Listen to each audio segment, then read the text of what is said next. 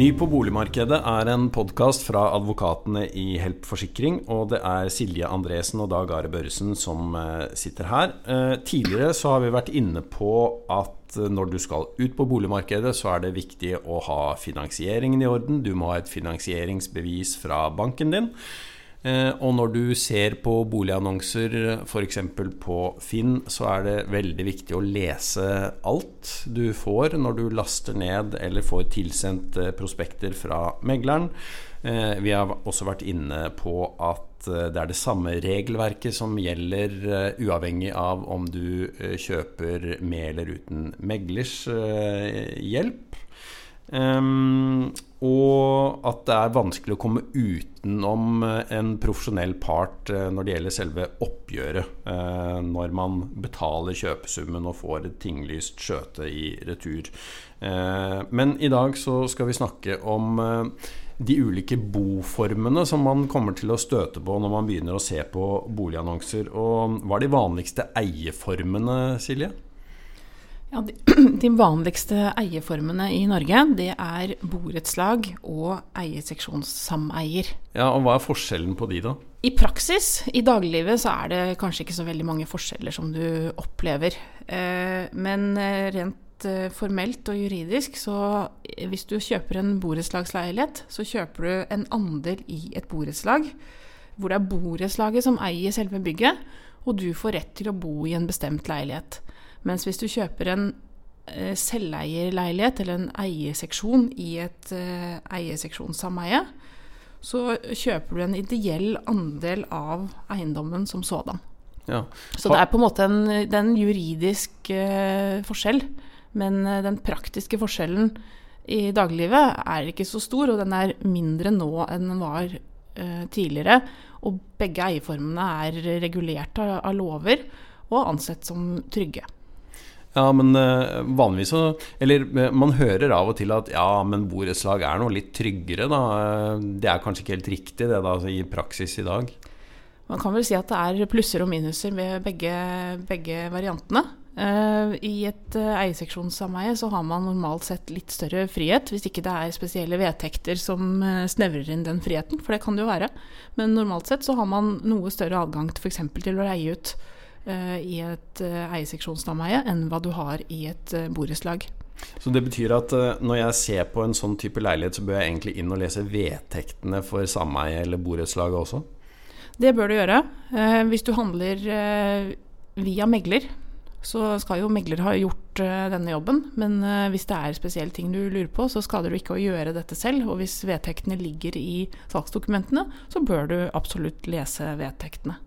Men når man så har kjøpt en uh, borettslagsleilighet eller en uh, eierseksjon, uh, er det da noe praktisk forskjell i hva jeg som beboer har ansvaret for, sånn vedlikeholdsmessig, i et borettslag versus et sameie?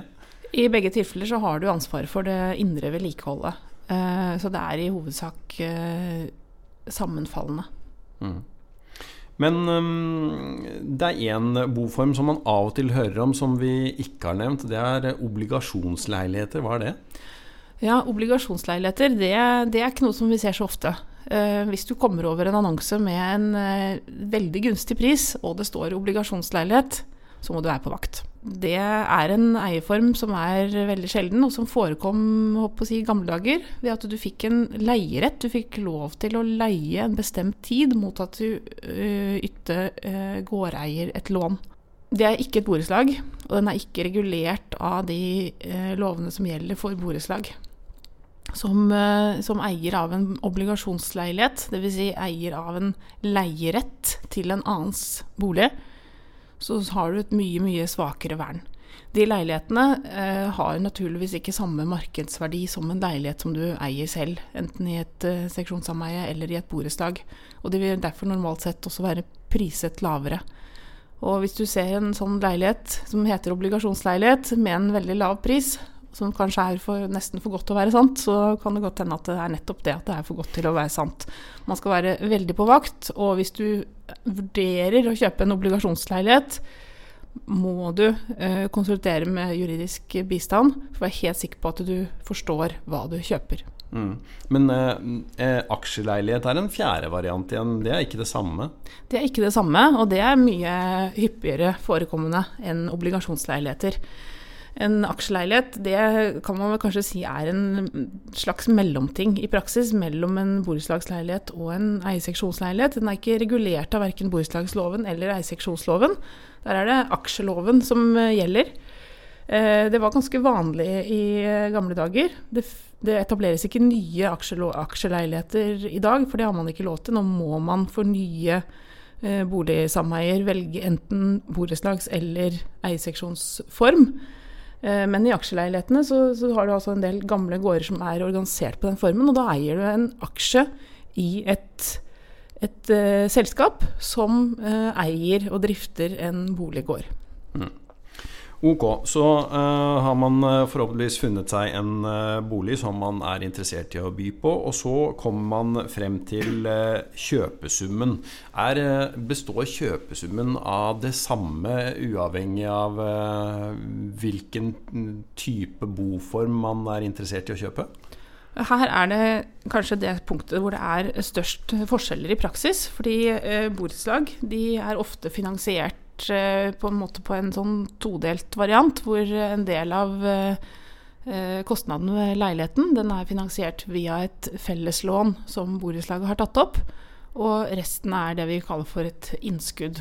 Så det er summen av innskuddet og eh, andel fellesgjeld som er den reelle kjøpesummen.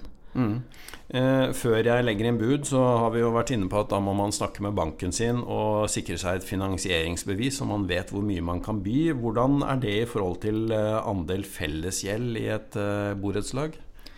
Ja, Prisantydningen på en borettslagsleilighet den eh, pleier gjerne å være angitt som det eh, beløpet som er, utgjør da innskuddet, eller det man skal by. Og så kommer fellesgjelden i tillegg. Mm. Mens eh, den delen som er fellesgjeld, den skal jo også betjenes. Så normalt sett så vil bankene ved finansieringstilsagnet sitt ta forbehold om at den summen er, som du da får finansieringstilsagn på, er eh, totalen av det banken, din egen bank har villet gi deg, og det som allerede er finansiert som et felleslån i borettslaget. Så at du må på en måte trekke fra det som er andel fellesgjeld for denne leiligheten, for å se hvor mye du har anledning til å by. Mm.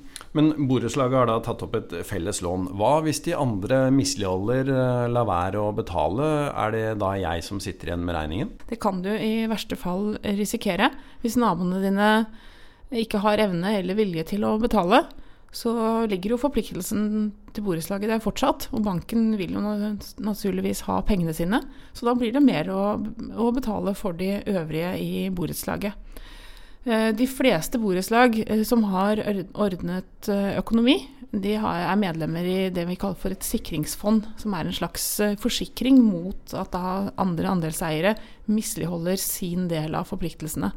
Som trer inn og betaler i mellomtiden, sånn at du som andelseier normalt sett ikke vil merke noe til det, selv om naboen din da slutter å betale. Mm. Så alle borettslag plikter å være del av en slik sikringsordning, da? Nei, de plikter ikke å, å være det, men de har jo egeninteresse av å være det. Eh, men disse sikringsfondene har jo eh, noen eh, kvalifikasjonskrav, så de vil ikke tilby denne forsikringen til alle borettslag. Det fins noen borettslag som rett og slett har for svak økonomi til at det er noen som har lyst til å forsikre dem. Men de fleste borettslag har det. Det er et uh, godt tips å spørre megler om borettslaget er medlem av sikringsfond. Mm. Og det er særlig de tilfellene hvor det er relativt høy fellesgjeld, hvor det er risiko for at det ikke er medlem. Og da bør man uh, være på vakt. Men um, er uh, høy fellesgjeld et faresignal nødvendigvis? Er det sånn som du ville ha sett etter hvis du uh, er på boligmarkedet? Uh, høy fellesgjeld er ikke i seg selv et faresignal. Det viktige er jo å se om borettslaget har en sunn økonomi, om andelseierne betaler inn det de skal til rett tid, og at de har budsjetter som, som går i hop. Men eh, jo høyere fellesgjeld, jo større risiko er det jo for at andre andelseiere faktisk ikke klarer å overholde forpliktelsene sine. Jeg lurer på om vi skal sette strek der.